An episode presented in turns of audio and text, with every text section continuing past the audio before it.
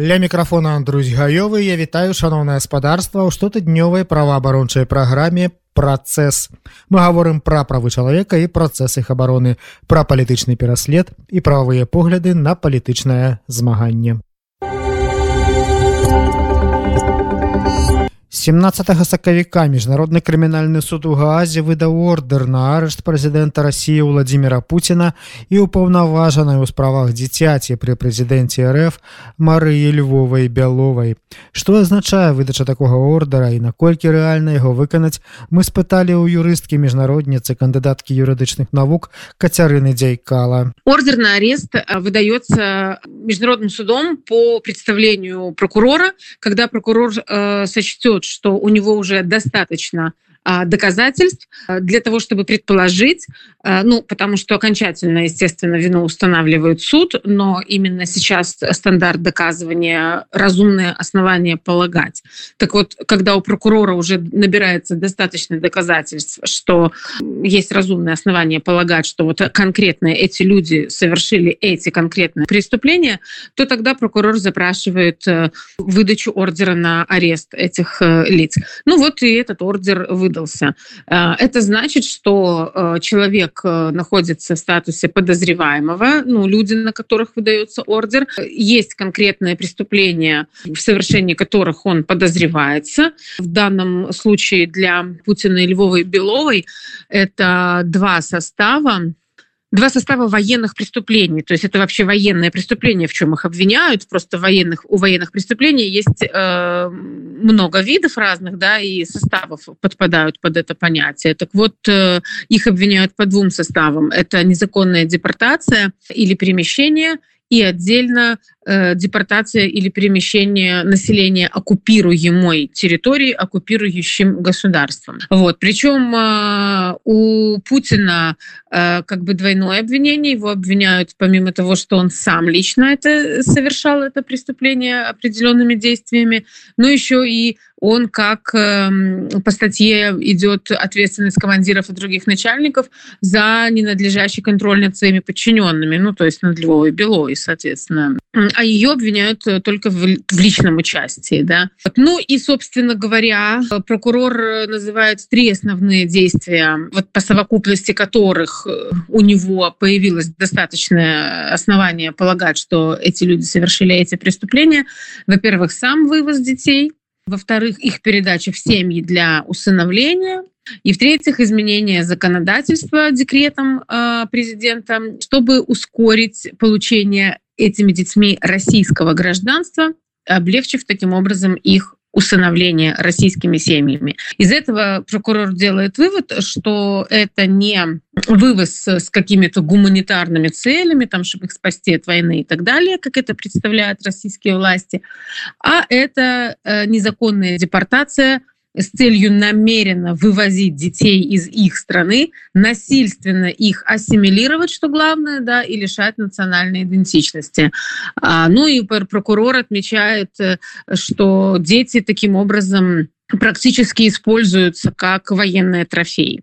Это суть, э, собственно, самого ордера. Важно сказать, что этот ордер, он бессрочный, и прокурор э, лишний раз подтвердил, то есть вообще по статуту э, ордер выдается до тех пор, пока суд не распорядится об ином, но вот прокурор на следующий день после выдачи ордера или там через день подтвердил, что этот ордер пожизненно будет действовать для них, пока они не предстанут перед судом или пока они не, если будут оправданы, да, то есть а в других случаях он, то есть он будет действовать пожизненно. Э, основное юридическое последствие заключается в том, что страны-члены статута римского должны выдать таких людей, как только они появляются на их территории.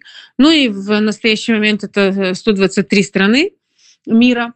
Вот, и у всех у них есть обязательства. То есть эти передвижения таких людей, которые находятся вот э, под, под ордером МУС, они отслеживаются, и как только они попадают на территорию страны-участницы статута, то э, сразу же суд э, запрашивает у этой страны правовой помощи, то есть выдачу ареста выдачу. Они должны быть там арестованы и выданы. Конечно, э, как это происходит на практике, если говорить о действующих или бывших, ну вообще людях уровня Путина, да, потому что с ней-то на самом деле меньше проблем с этой вот Львовой Беловой, потому что у нее и э, иммунитета нету, у нее и, ну и она в принципе не та, кого будут бояться, наверное, эти страны арестовать. Ну, в общем, с ней меньше проблем. Но с ней же и меньше вероятности, что она куда-то поедет, потому что, в принципе, вряд ли.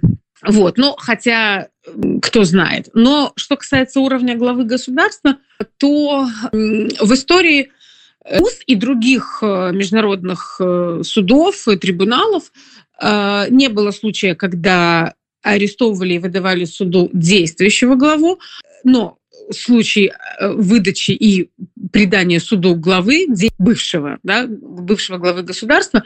Эти случаи были, и Путин, он шестой в этом ряду. Поэтому можно так сказать, что вряд ли пока он является действующим главой государства, его кто-то выдаст и арестует. Есть еще потому, что проблема иммунитета перед Международным уголовным судом иммунитет главы государства не имеет значения для Международного уголовного суда, но вот в межгосударственных отношениях между собой, да, имеет значение. И это такая коллизия, которая часто э, тоже играет роль. Это уже как государство между собой там согласятся, да. Но, э, тем не менее, пока он действующий, вряд ли, но в итоге все равно, как показывает практика, вот этих вот пять э, предыдущих случаев, когда ордер выдавался на действующих глав или на э, бывших, но все они предстали перед судом, либо умерли, либо и то, и другое. нашу праграму працягне тыднёвая хроніка палітычна матаванага пераследу ў беларусі паводле маніторнага праваабарончага цэнтру вясна У Беларусі працягваюцца масавыя затрыманні і катаванні затрыманых у тым ліку праз прымус раскайвацца на відэа. На тыдні стала вядома пра такое затрыманне ў Менску супрацоўніка бюро тэхнічнай інвентарызацыі, якога прымусілі казаць, што ён перадаваў звесткі пра карнікаў нібыта экстрэміскім каналам. У гродні жанчыну таксама прымусілі прызнавацца ў тым, што яна перадавала нейкія звесткі антылукашэнкаўскім каналам. Вядома таксама, што карнікі захапілі бацьку ваяра палка імя касту Кастуся каліновскага і кіраўніка маладога фронту дзяніса урбановича і таксама прымусілі казаць на відэа звяртаючыся да сына каб той вяртаўся з вайны ва ўкраіне і сядаў на 10 гадоў у турму. Відавочна што добраахвотна падобныя рэчы ніводны бацька казаць не будзе. Праваабаронцы расцэньваюць такія відэазапісы як спосаб катавання прызначана лукашенко на пасаду суддзе алена жукович выдала загад кінуць на чатыры гады. У лукашэнкаўскія калоніі жыхараменску алексея камароўскага. Жукович абвінаваціла яго ў пагрозе ўжывання гвалту да супрацоўніка органа ўнутраных спраў і ўмяшальніцтве ў дзейнасць супрацоўніка такого ж самага органа. Паказанне на камароўскага даў прыслужнік даі з прозвішчам месенза які заявіў што камароўскі хацеў яго збіць карнікі затрымалі як мінімум двух адвакатаў адваката валенціна стэфановича і гаралосіка павла белавуса да шэрагу іншых палітвязняў артёма сям'янова і адваката евгена юшкевича юрыя козікова пазней стала вядома што артёма сям'янова асудзілі да арышту на 15 сотняў нібыта за непадпарадкаванне таксама вядома што пад зачыстку трапілі адвакаты владимир сташкевич і иван чыжык апошні абараняў Віктора бабарыку дзе яны зараз знаходзяцца невядома яшчэ шэраг затрыманых адвакатаў праз нейкі час вызвалілі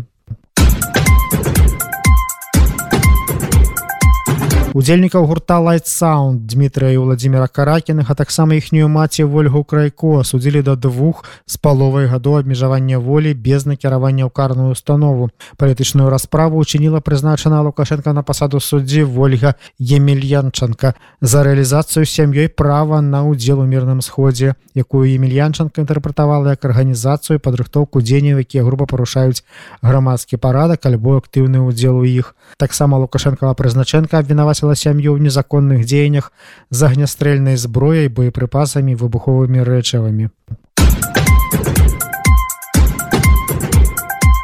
На тыдні масавае затрыманне людзей карнікі зладзілі ў мазыры. Праваабаронцам стала вядома пра затрыманне мужа палізняволенай крысціны чаранковай фёдора чаранкова і ўсіх хто прысутнічаў на так званым суддзе над крысцінай За ажыццяўленне свабоды выказвання меркаванняў прызначана лукашенко на пасаду суддзі нейкі Дмітрый Богданович прысудзіў полтора года лукашэнкаўскіх калоніяў жыхару астраўца гарадзенскай вобласці Павлу дубаву. За каментар у карпаратыўным чаце адной з кампаній перавознікаў дзе дубаў выказаў думку што наш нацыянальны сцяг бел чырвона-белы а чырвона-зялёны сцяг лукашэнкавага дзяржапарату параўнаў з узыходам сонца над балотам і яшчэ адзін лукашенко прызначэнец на пасаду суддзі вядомы сваім імпэтам у справе палітычна матываваных рэпрэсіяў Дмітрый касцюк прысудзіў два гады лукашэнкаўскіх калоніяў жыхару менску Дмітрыю герасімовичу за тое што той нібыта зняважыў чырвона-зялёны сцяг лукашэнкавага дзяржапарату пацягнуўшы за яго ў выніку чаго ён упаў адзіда зламалася данёс карнікам на герасімовича адміністратор караоке бару размешчанага насупраць будынку на якім вісеў сцяг лукашэнкаўцаў Прызначаны лукашенко на пасаду суддзі Евген пісарэвич распарадзіўся кінуць у лукашэнкавыя калоніі на тры гады журналіста Дмітрия семчанку які раней кіраваў так званым прэзідэнцкім пулам на прапагандысцкім дзяржаўным тэлеканале АНТ але пасля фальсіфікацыі выбараў і гвалту карніка ў двадцатым годзе сышоў з канала. Пісарэвич абвінаваціў семчанку распальванні сацыяльнай варажнічы цягам тыдня з'явілася інфармацыя пра масавае затрыманне ў гомелі мазары каленкавічах берасці пінску воршы мёрахся неглыбокім і вацэвічах лепілі полацку і наваполацку. Затрыманыя некалькі десяткаў чалавек. Са многімі каналы карнікаў выклалі так званыя пакаяльныя відэа